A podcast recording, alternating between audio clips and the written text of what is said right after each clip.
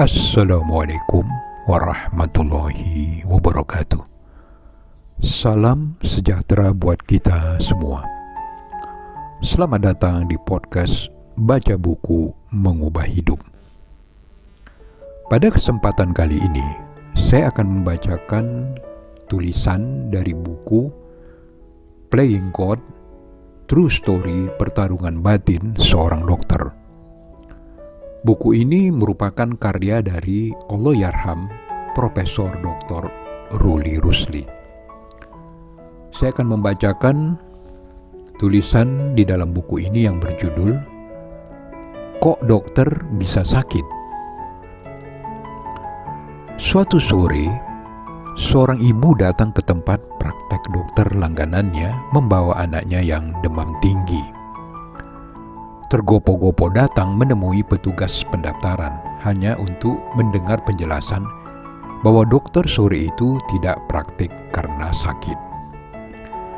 Dengan nada heran dan sedikit menghardik, ibu itu berkata, "Kok dokter bisa sakit sih? Anak saya ini kan sakit berat." Mungkin ini adalah ucapan spontan dari seorang ibu yang mengkhawatirkan kesehatan anaknya tetapi merupakan pencerminan harapan yang berlebihan kepada seorang dokter. Kadang-kadang terucap pula, "Wah, kalau jadi dokter enak ya, tidak akan sakit. Kan kenal sama penyakitnya dan bisa mengobati sendiri." Ucapan yang jujur, seakan-akan seorang dokter bisa berkolusi atau berdamai dengan penyakit. Wah, Memangnya mafia pengadilan bisa berkolusi antara hakim, jaksa, pengacara? Sayangnya, penyakit tidak bisa berkolusi. Dia tidak peduli korbannya itu dokter, pengacara, politikus, atau orang biasa. Buat mereka semua sama, mereka juga manusia. Terdiri dari darah dan daging dan bisa diserang penyakit. Seperti juga manusia normal lainnya, penyebab paling sering kematian seorang dokter adalah karena usia tua dan penyakit. Kita semua harus menjaga kesehatan masing-masing. Bahkan untuk seorang dokter telah diatur sebagai suatu kewajiban di dalam Kode Etik Kedokteran Indonesia atau Kode Eki pasal 18 ayat 4 bahwa Agar dapat bekerja dengan sebaik-baiknya, seorang dokter harus menjaga kesehatan dirinya sendiri.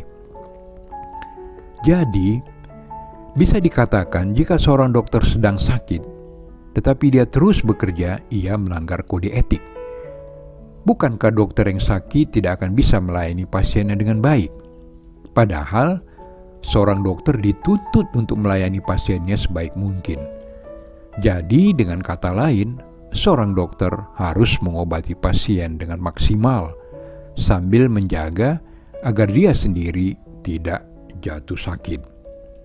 Padahal dia terus-terusan terpapar penyakit dari pasiennya. Wah, susah juga ya. Seorang pasien bertanya kepada dokternya, "Dokter, akan libur akhir tahun? Jangan lama-lama ya, Dok.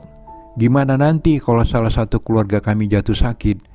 Kami berobat ke siapa? Ini juga suatu pernyataan jujur seorang pasien yang sudah sangat mempercayai dokter langganannya. Seolah-olah dia tidak rela dokternya berlibur, padahal ada beratus-ratus dokter lain di kotanya. Kalau diibaratkan, dokter itu hampir sama dengan tukang cukur. Kalau tukang cukur langganan kita sedang cuti atau sakit, kita rela menunda memotong rambut sampai si tukang cukur bisa bekerja kembali. Kekuasaannya pun hampir sama. Hanya tukang cukur yang berani memegang kepala seorang presiden, dokter juga. Bahkan dokter berani memegang bagian tubuh lainnya dan menyuruh seorang presiden berbaring di tempat tidur, bahkan melarangnya bekerja dan beristirahat. Seorang dokter juga manusia, dia punya keluarga. Mereka patut mendapatkan waktu bersama untuk berlibur dengan si dokter. Seringkali keluarga merasa terabaikan dan tidak mendapat perhatian atau waktu yang cukup. Aku mempunyai dua anak laki-laki. Keduanya tidak ada yang menjadi dokter. Mungkin aku tahu dan mengerti alasannya. Ketika mereka masih kecil, suatu sore hari aku sudah menjanjikan menonton di bioskop. Mereka sudah berpakaian rapi dan kami siap berangkat. Tiba-tiba telepon dari rumah sakit berdering. Ada pasien gawat yang harus segera ditangani. Dengan sangat menyesal, aku meminta maaf kepada kedua anakku bahwa kami tidak jadi menonton di bioskop dan aku harus mengutamakan menangani pasien yang gawat. Mereka tidak protes, tapi aku tahu mereka kecewa. Dan itu tidak hanya terjadi sekali. Jadi, aku sangat mengerti kalau mereka tidak tertarik menjadi seorang dokter.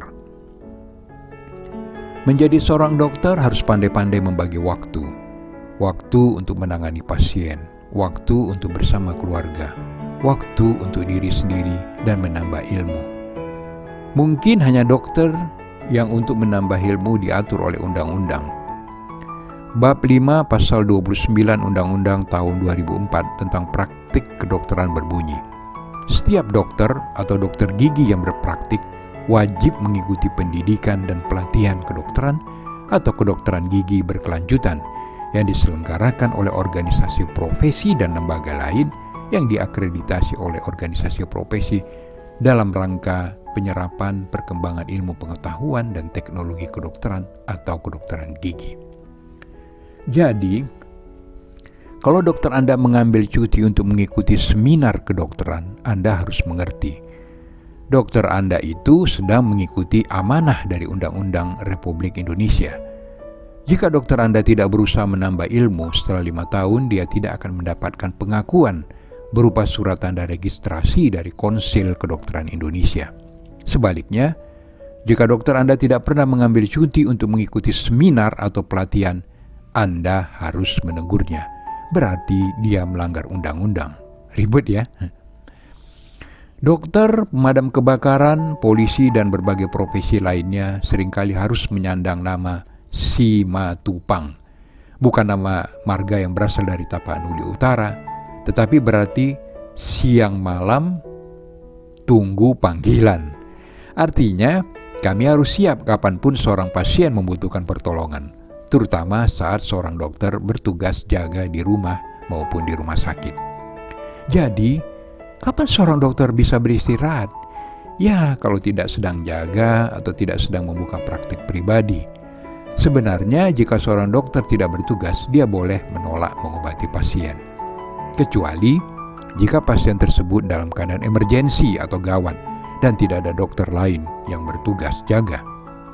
Masalahnya, kalau salah satu keluarga kita sakit, sekecil apa pun sakitnya, sering kali kita merasa keadaannya gawat dan harus segera ditolong.